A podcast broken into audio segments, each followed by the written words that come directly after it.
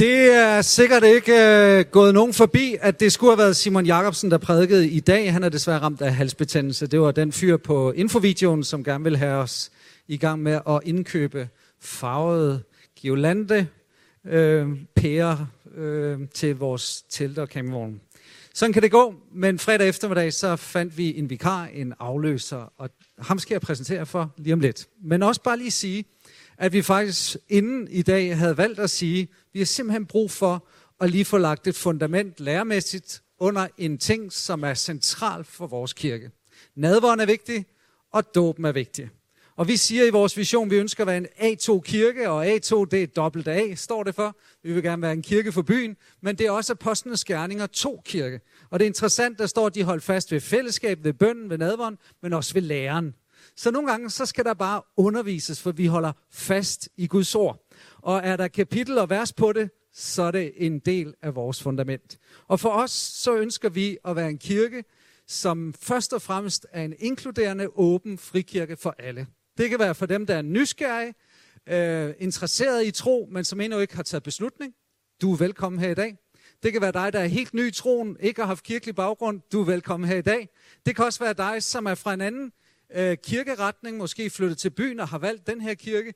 Du er velkommen her i dag, uanset kirkelig baggrund. Det var faktisk sådan, da pinsekirkerne startede i sin tid i Skandinavien, så ønskede man egentlig ikke at etablere et eget kirkesamfund. Man ønskede, at en åndelig fornyelse skulle komme ud over alle kirkerne, det vi kalder hele Kristi lame. Så vi er aldrig som sådan egentlig i vores øh, udgangspunkt, i vores pionertid, gået op i at lave en masse skæld. Det har altid været hjertet for alle kristne. Så uanset dit syn, så har vi et ønske om at have fællesskab med alle troende, også i vores by. Der er kun én kirke. Jesus kommer ikke for at hente et harem, men en brud. Amen. Der er kun én kirke i vores by. Så vi tror på, at vi har fællesskab med alle dem, der bekender Jesus Kristus som Herre, dem, som har taget imod ham og som tror på den treenige Gud, og dem har vi fællesskab med både i vores byer, i vores land og ud over verden.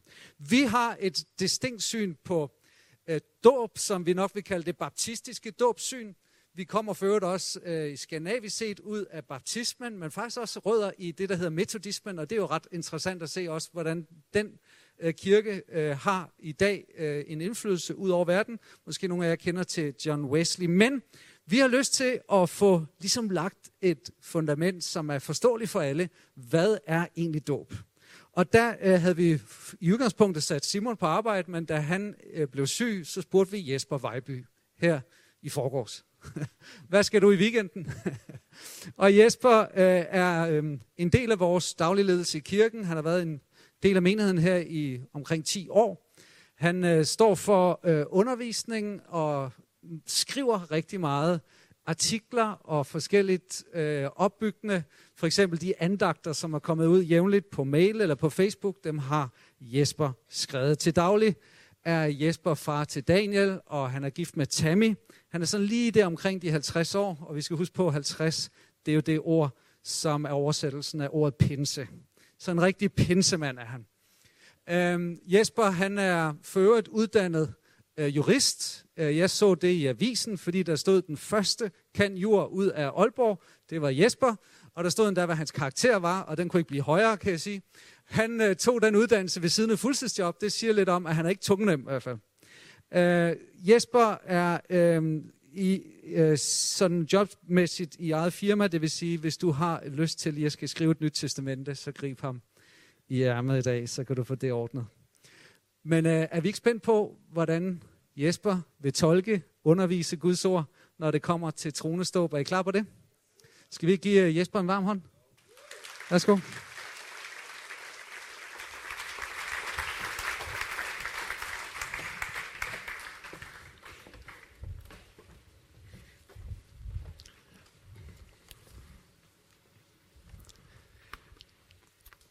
Ja, det var, det var lidt kort varsel, men øh, og vi har fået overskriften på, så velkommen til prædiken med den titlen Troende stå, Just Do It.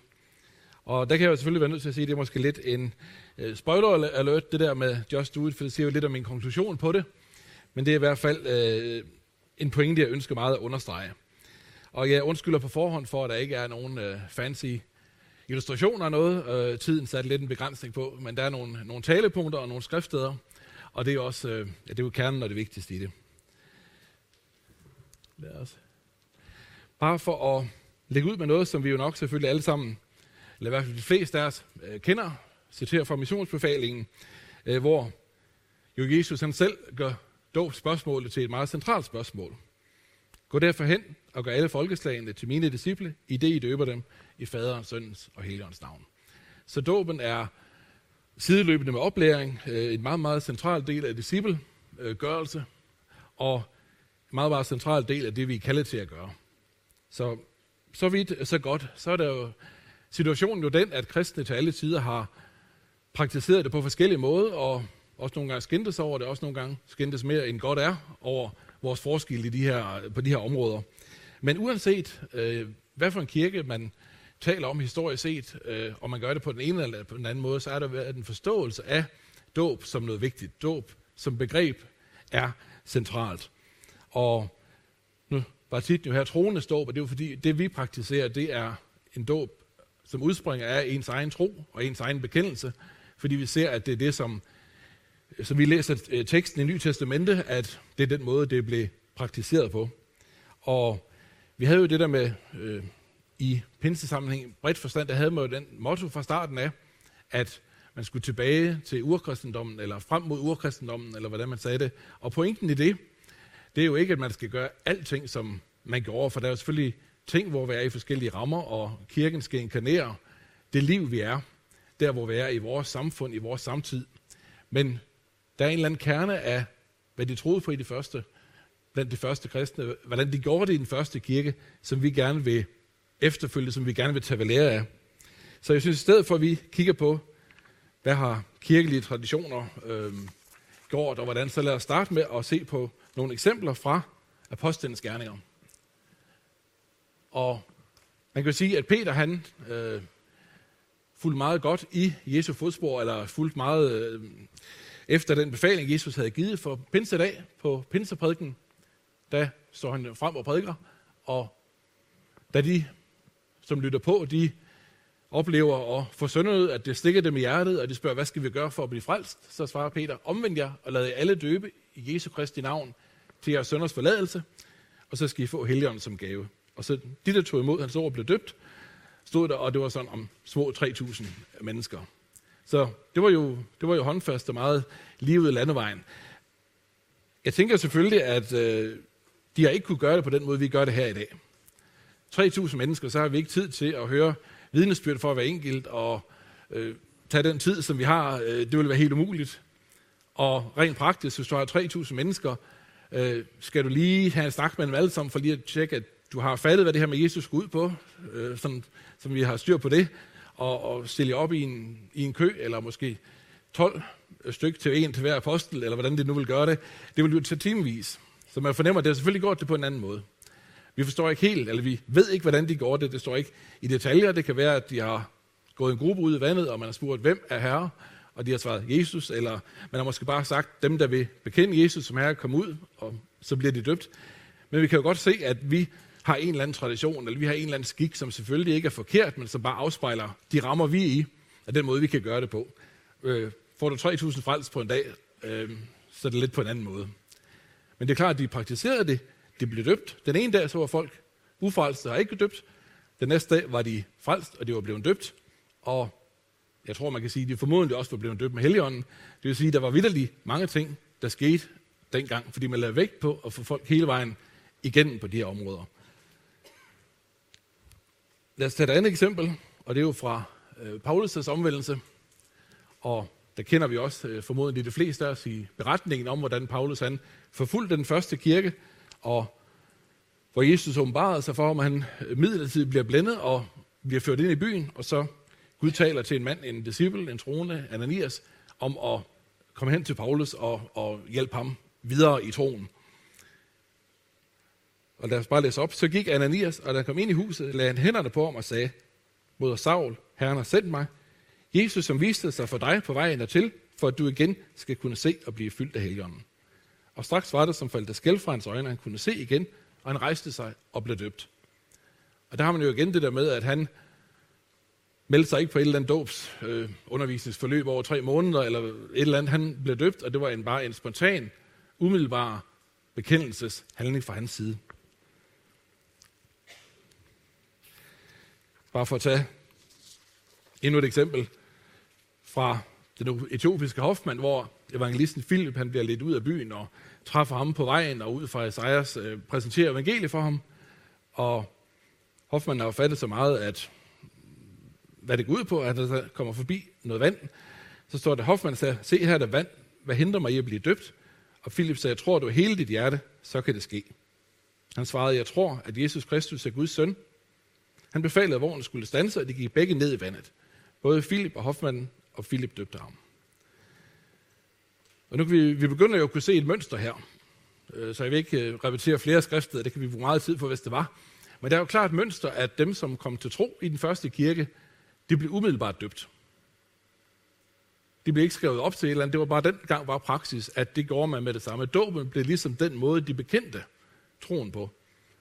Nu kan man sige, at Hoffmann han nåede at sige, inden han blev døbt, at jeg tror, at Jesus er Kristus, Guds søn. Øh, og vi kan måske så sige, jamen så var han jo i det sekund frelst, det er klart. Måske på pinsedagen, at de bare blev døbt, og det var deres bekendelse, det var deres respons at lade sig døbe. Uanset hvad, så var det jo meget en, en pakkeløsning. Troen, omvendelsen, dåben, var ligesom en helhed. Det var ikke sådan noget, som var skilt ad. Det kan godt være, at vi måske i praksis, så kender vi jo, man bliver frelst, og på et eller andet tidspunkt, så bliver man døbt. På et eller andet tidspunkt, så oplever man, øh, tager nogle flere skridt med Herren. Men det, som de gjorde dengang, det var meget det hele på én gang. Og det er også underforstået i noget af Paulus' undervisning. Han skriver i til Kolossenserne, I blev begravet med ham i dåben. Og han skriver til Galaterne, alle I, der er døbt, har I klædt til Kristus. Det er jo ikke sådan, at han går ind og siger, øh, dem af jer, som er døbt, I har gjort det, men øh, andre, som stadigvæk er på dåbskursus, øh, eller ikke har bestemt det, eller et eller andet, I har på en eller anden måde ikke iklædt til Kristus. Det er jo ligesom underforstået det hele. Vi tror på, at man egentlig har iklædt sig Kristus, når man tror på ham. Men fordi at alle der var døbt, så bliver dåb, dåben og dåbsmetaforen og billedet på dåben, kan jo bruges øh, direkte på alle sammen. Når vi så skiller de der ting ad, øh, så kan det jo blive et problem. Og ja, man kan også, for at lige rundt af, vi havde skriftet her også, øh, i forbindelse med det her, ikke, øh, det er fra et senere sted i Apostlenes Gerning, hvor Paulus han refererer til øh, den oplevelse, hvor Ananias kom, og hvor han så siger til ham, hvorfor tøver du, rejst og lad dig døbe og få dine sønner vasket af, i det du påkalder Herrens navn. Siger så, er der jo sådan nogle skrifter her i Bibelen, som godt kan misforstås. Man kan komme til at læse det som, at det er dåben, der vasker synden væk, så man gør dåbshandlingen til et eller andet bestemt. Vi tror selvfølgelig på, at det er det, at man påkalder Herrens navn, som, som gør, at man bliver renset fra synd, at synden bliver fjernet fra ens liv. Men fordi at det var så tæt koblet sammen, og dåben jo også som billede og symbolik kan rumme en hel masse ting med renselse og begravelse, øh, så kommer dåben til at stå for det. Øh, og man skal sige, øh, kan misforstås som om, at det var noget i sig selv. Det dåben er, det er, hvis du med dåben bekender din tro på Herren, så vil det jo gøre en fantastisk ting i dit liv. Hvis dåben det er noget, som du gør efterfølgende, så er det selvfølgelig på en anden måde, og så kan du ikke der drage helt samme paralleller. Og det, som jeg ligesom mener her, det er, at vi har den her pakkeløsning. Vi ser i skriften, og vi vil gerne være som ideelt set som de første kristne. Vi vil gerne være ideelt set som den første kirke. Vi vil gerne have det så tæt på hinanden som muligt. Det med tro, omvendelse og dåb. Øh, om det så lige skal være det allerførste handling, eller det kort efter, men i hvert fald noget, der følger naturligt, sådan vi ikke har den adskillelse. Men hvis man får den adskillelse, hvis man adskiller dele, som burde hænge sammen i tid og rum, så kan det være svært at få det til at gå op. Jeg tror, at det, der er sket nogle gange, så ser man nogle eksempler, hvor at, hvad nu hvis dåben og omvendelsen, dåben og troen, sker på vidt forskellige tidspunkter? Kan vi så lægge det samme i det? Tolker vi det så forkert og forskelligt? Og det er ligesom, man har en eller anden teologisk elastik, og nogle gange så strækker man lidt mere end godt er, nogle gange så strækker man til bristepunktet for at få det til at hænge sammen. Øh, noget af det kan man sige, der er jo andre synspunkter eller andre måder at praktisere det på, end det, øh, som vi ser i den første kirke, hvor du døbte med det samme, og hvor dåben ligesom var en bekendelse af Kristus og en meget indledende bekendelse. På et eller andet tidspunkt i, i kirkehistorien, så går man lidt over til øh, barnedåb, og der ligger selvfølgelig en hel masse også øh, i det omkring, en, hvad, man, hvad man ser på det, man kalder arvesøn, og forskellige andre ting, som gør, at man har forskellige syn på det. Men problemet er jo egentlig, at man skiller dåben fra troen med så stor afstand, at det bliver svært at ligge det rigtige i dåben. Og jeg ved godt, at mange af de, øh, det kan være, at du er relativt ny her, det kan være, at det kommer fra en baggrund, hvor det er det, du har stiftet bekendtskab med, og jeg ved, at mange, som bringer deres små børn frem til barndåb, de gør det jo med de bedste intentioner. Øh, så jeg kan godt respektere det, men det er bare en forkert måde at gøre det på. Det er ikke sådan, Bibelen viser os. Bibelen viser os at lade responsen komme fra ens personlige tro. Der er måske også nogen, som lader sig døbe for at markere discipleskab. For ligesom at sige, nu vil jeg virkelig tjene Jesus, eller nu, vil jeg, nu mener jeg, at det er virkelig alvorligt med min tro. Og det, kan, det er måske en fælde, vi kan falde i som, som frikirke, at man kommer til tro, man ser sig som frelst og tro, og på et eller andet tidspunkt, og det kan være efter mange år, så øh, føler man, nu skal man lade sig døbe. Og man kan også se i den første, efter den første kirke, når det, det var gået 100 eller 200 år, så begyndte praksis at blive sådan, at hvis man skulle døbe, så skulle man først i en lang periode, måske et par år, have levet troen ud, og man skulle have haft en meget grundig indføring i alt, hvad man skulle lære, og hvad man skulle tro på. Så det blev et meget højt tærskel for at blive døbt. Det er jo ikke det, vi ser i Bibelen. På pinsedag, der du har ikke tid til at tjekke på den enkelte, hvor, hvor meget teologisk forståelse var der, og var der noget, og hvordan øh, det var bare en bekendelse. Men jeg jo lige så villig til at døbe folk, som vi vil være villige til at bede frelsesbøn med en, som kommer frem og siger, hvad skal jeg gøre for at blive frelst? Men så sker der et skridt, hvor man kommer lidt væk fra den bibelske model. Og jeg har hørt, øh, og det synes jeg er lidt misforstået, men jeg har hørt nogen sige, at da de kom til tro, så var de frelst af noget, men da de så lå sig døbe, så går de Jesus til herre. Og, og, og så siger jeg bare, what? Fordi øh, der er jo den der, øh, hvis du med øh, din mund bekender Jesus som herre, og hjertet tror, at han opstod, så skal du blive frelst. Øh, hvis du ikke havde bekendt ham som herre, så, så, så, der, så var du ikke frelst, så er der noget galt. Så der var et eller andet sted en misforståelse der.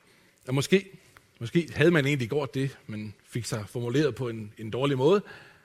Men man har måske haft en følelse af, at jeg vil alligevel nu indvige mig på en dybere måde. Og, og så må jeg stadigvæk sige, uh, really? Uh, hvad kan være mere dybt indvidet, end at gøre Jesus til herre? Er, er der et eller andet niveau af overgivelse, som trumfer det at have gjort ham til herre? Uh, så den der kobling med, at dåben er et ekstra skridt eller noget, ser vi ikke i den første kirke. Vi ser det ikke som eksempel. Og det snyder mennesker for den der spontane øh, spontane respons, spontane bekendelse. Så er der måske også nogen, og det, øh, man kan finde alting, og man kan høre alting, og, men som ser dåben, eller i dåben håber på en eller anden udfrielse. Når jeg bliver døbt, så kan jeg måske få lagt nogle vanesynder bag mig, eller en eller anden syndig natur, eller en eller anden binding, eller noget andet. Øh, der er nogle misforståelser, de har det med at blive indhentet af virkeligheden. Så hvis nogen de kommer og siger det til mig, så vil jeg sige, jamen lad os snakke svært om et år og se, hvordan det fungerer for dig. Fordi øh, virkeligheden er jo bare, at hverken dåben eller andre ting permanent fjerner synd eller fejl eller noget for vores liv. Og proceduren eller måden, når vi takler det på, det er at komme til Jesus og bekende vores synder og modtage renselse. Øh, det er ikke ved en, en dåb eller en ny dåb eller noget andet.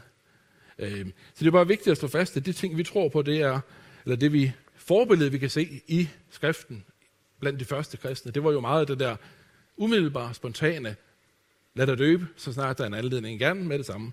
Gerne hurtigt. Øh, få det gjort. Just do it. Og ikke, ikke gør det før tid, kan man sige, før du er i stand til at træffe et valg selv, og heller ikke skubbe det øh, på en eller anden måde, og heller ikke lægge noget andet i det, end det, det er. En bekendelse af din tro. Og det er troen, som frelser, og selvfølgelig vil bekendelsen dermed gøre øh, noget i den forbindelse.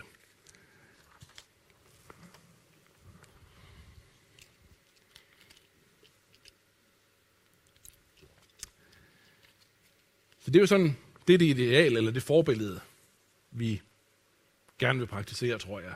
Og gerne se meget mere af. Det kan være, at du så tænker, er, er det for dig? Det kan være, at du siger, at det, vil, det er måske der er noget meget godt i det med at bekende, øh, og gøre det med det samme, og gøre det rigtigt, men nu har jeg været kristen i mange år. Det kan være, at du kommer fra en sammenhæng, hvor at man ikke havde troende stå, hvor der ikke lige var en anledning, og det kan være forskellige andre grunde, at du ikke er blevet døbt, men du egentlig er kommet rigtig langt med Herren. Du er en disciple, du har vandret med Herren i mange år. Du lever et, et, et liv, som man skal. Du, øh, du måske oplever at være døbt med Helligånden. Du beder, du læser dit Bibel. Du gør alle de ting for dig, føler du måske. Øh, der er dåben jo ikke den nye start, som der måske kunne have været, som det kunne være for nogen. Hvad skal det til for? Er det også noget, øh, er det noget for mig? Er det nødvendigt for mig?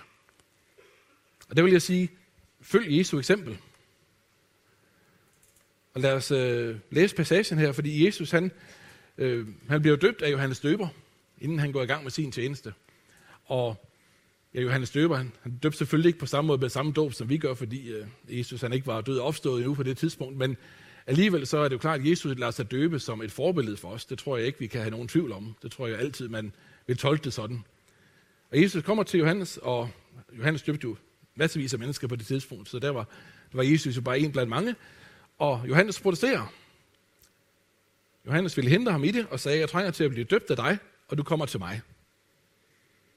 Men Jesus svarede ham, lad det nu ske, for således bør vi opfylde al retfærdighed. Og jeg kan godt forstå, Johannes protesterer, for på en måde er det jo rigtigt, at Johannes har mere brug for det, Jesus har at give ham, end den anden vej rundt. Sådan vil man i hvert fald synes. Og så siger Jesus, at det ske. Lad os opfylde al retfærdighed. Sådan lidt, lidt sjov og måske en lidt gammeldags vending. Jeg tror egentlig, det er Jesus han egentlig, hvis man skulle sige det med nutidssprog. Lad os gøre det rigtige. Lad os bare gå videre. Lad os gøre det. Det er det rigtige. Og der kan vi jo sige omkring Jesu dåb, der er der jo nogle af de ting, som vi kan sige, når vi bliver døbt, eller da vi bliver døbt, øh, det omfatter jo ikke øh, Jesus. Kan vi sige, at han begraver sit gamle liv? Det kan vi selvfølgelig ikke rigtigt, for det var, der var ikke noget gammelt liv på samme måde, som vi har slæbt rundt med. Og kan vi sige, at han fik helligånden derefter, men ikke havde det før? Nej, det kan vi jo heller ikke. Så det er jo klart, at Jesus går ind i sin dåb på en helt anden måde, end en nyfrelst vil gøre. Altså det forbillede, Jesus giver, det er jo egentlig bare at gøre det, for at gøre det, fordi det er rigtigt. Så hvis du sidder her, og du siger, at jeg er født på ny, jeg har faktisk været det i 20 år, og, og jeg har levet med Herren, og, og ligesom jeg er kommet igen med det der ting, du kan stadigvæk følge Jesu eksempel, og gøre det rigtige, og lade dig døbe. Og det bør du gøre. Det kan også være, at du er en ny kristen, som, det kan være, at du er kristen i en uge, eller en måned, eller et år, men du er bare ikke blevet døbt endnu. Af en eller anden grund, så er du bare ikke lige ved, der måske ikke være en anledning, du har ikke lige øh, fået taget beslutningen. Og du har måske oplevet at blive døbt med helligånden, og du har i hvert fald oplevet selvfølgelig at få helligånden i dig, fordi at det får du, når du bliver frelst, og du oplever at få et nyt liv. Øh, men du har bare ikke rigtig fået taget det skridt. Men der kan vi finde på at sige, følg Cornelius' eksempel. Og der kender vi fra, apostlen, øh, fra apostlenes gerninger, hvor at Peter, apostlen Peter bliver ledt til Cornelius, som var en romersk officer, som jo ikke var, var jøde, og hvor det på den måde var kontroversielt, og kommer hen til hans hus, forkynder for hans familie, formodentlig også andre tilstedeværende, og de tager imod evangeliet, og begynder at tale til unge, og ånden falder over dem. Øh, vi kender beretningen. Øhm, og, og det er jo ligesom om, at jamen, man, lige, man lige vil sige, at hov Gud, nu, nu skete tingene i den forkerte rækkefølge. Det var meningen, at de først skulle komme til tro og blive døbt, og nu øh, falder helgen over dem, og hvad, hvad nu? Men det er jo klart, at Gud var der, og Gud havde øh, taget bolig i dem, og de havde taget imod øh, evangeliet. Det var tydeligt. Hvad siger Peter? Der tog, han til, der tog han til ord, må nogen kan hindre disse mennesker i at blive døbt med vand, når de har fået helgen lige som vi. Han befalede da, at de alle skulle døbes i Jesu Kristi navn. Så logikken er jo her også, at selvom, ja, selvom du er frelst, selvom du har fået helgen, selvom du, du er ny i troen, ja, og du har erfaret noget, øh, så lad dig alligevel døbe. Hvad skulle hindre dig i det? Man kan sige, at det er også spændende, at Peter her i hans prædiken egentlig siger noget andet, end han gør på sin prædiken i Pinsedag. Pinsedag, så står han der og siger, øh, omvend jer, lad jer døbe, I skal få helgerne som gave, for der bliver dåben en bekendelseshandling. Det ville jo være noget mærkeligt at stå og sige her, at øh, lad dig døbe, så vil du få helgeren, for det var jo allerede sket. Her bliver dåben måske mere, i stedet for den første bekendelse, bliver en bekræftelse på den tro, de har.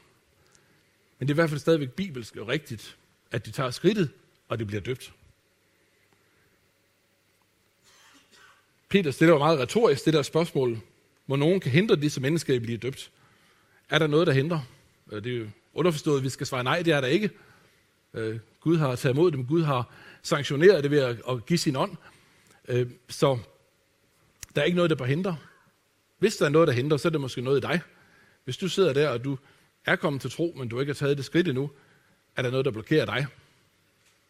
Det er ikke os, det er ikke Gud, der forhindrer dig i det. Måske er der noget af dig, der gør det. Og det kan være, at du har den der følelse af, at jeg skal være klar, jeg skal være parat, jeg skal, der er en eller anden ting, jeg kæmper med, som jeg ikke har vundet sejr over endnu, eller hvad nu? Øh, det er jo ikke det, det Bibelen taler om. Bibelen taler om at blive døbt, som at bekende din tro, uden hensyn til det.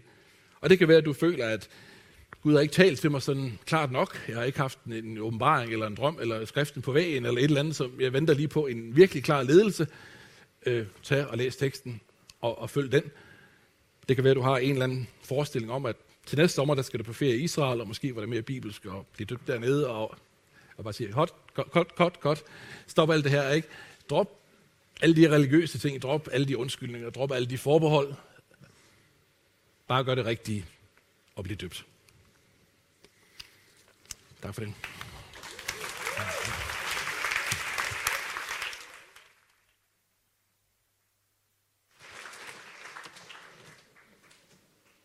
Man kan vælge at sige amen eller bum, eller, eller man kan også øh, sidde og være uenig. Det er faktisk også okay, fordi vi ønsker at være et fællesskab, hvor der er rum, der er plads til alle.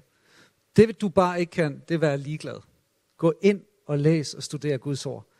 Øh, det her, det var en gengivelse af det, vi læser, når vi læser Nye Testamente.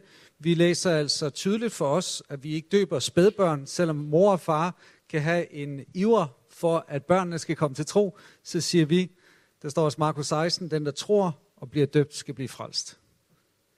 Så først tro, så dåb. Vi tror på det, som Jesper citerede her. Omvend dig og lad dig døbe, så skal du få Helligånden som gave. Omvendelse betyder at fatte et andet sind at beslutte, så det er en personlig beslutning. Der ligger faktisk også et menneskesyn bag vores dåbsyn som kirke. Og det er noget, jeg personligt går meget op i, at når jeg ser det lille spædbarn, så som vi har haft barnevelsignelse i dag, så siger Jesus om de helt små, de hører himmeriget til. De er ikke i stand til selv at tage beslutning, så de er uskyldige. Der kan sagtens være arve synd som en lægning i dem, som vokser frem over tid. Men vi kan ikke sige, at de går fortabt, hvis de skulle gå bort, inden de selv når at tage beslutning. Det er som tydeligt ud fra skriften, at de får lov allerede at være en del af himmeriget indtil skældsår eller, og så må de selv træffe beslutning, og så døber vi dem på deres egen beslutning, på deres eget vidnesbyrd, tro, bekendelse. Og derfor kalder vi det troneståb. Vi sætter ingen alder på. Vi siger ikke voksendåb. Jeg selv var kun ni år, da jeg blev døbt. Jeg husker det, som var det i går. En personlig beslutning. Jeg ved, Jesper, han kom til tro som 21-årig, tror jeg det var. Jeg hørte øh, ham fortælle, at han sad i en kælder her i byen. Han er ikke fra en kirkelig baggrund, men lyttede til et radioprogram. Radio, det er sådan noget, der kommer ud af en højtaler med nogle bølger. Og øh, det var et program, der hed Himmelexpressen. Og Hans Bernsen havde noget, øh, noget tale der om Jesus og evangeliet meget enkelt. Og, og Jesper kom til tro, og han blev senere døbt, blev en del af et fællesskab og blev disciplet der. Jeg tænkte faktisk på i dag, da Jesper talte, øh, hvor mange af jer kender til Alfa-kurset. Det er et kursus, introkursus til den kristne tro, som både bruges i frikirker og folkekirker ud over hele verden. Og ham, der har skrevet kurset, han er for øvrigt, øh, han hedder Nicky Gumbel, han er fra London, Holy Trinity Brompton, øh, hedder den kirke, han kommer fra. Han er først uddannet advokat, jurist og bagefter teolog. Jeg tænkte, Jesper kunne godt være sådan en der, synes I ikke det? Sådan en, der, der på en let enkel måde forklarer skriften, forklarer læren. Og jeg håber, at i dag at du blevet måske provokeret din tanke, dig der ikke er døbt endnu. Øhm, og så måske nu er tiden til, at vi lige skal tage et moment, hvor vi siger, Jesus, hvad taler du til mig om? Og Jesper han præciserede for os, vi behøver ikke søge et billede på væggen, vi behøver ikke søge en eller anden helt vild ud af kroppen oplevelse. Du kan være i kroppen og forholde dig til Guds ord og lade dig døbe. Skal vi bede sammen?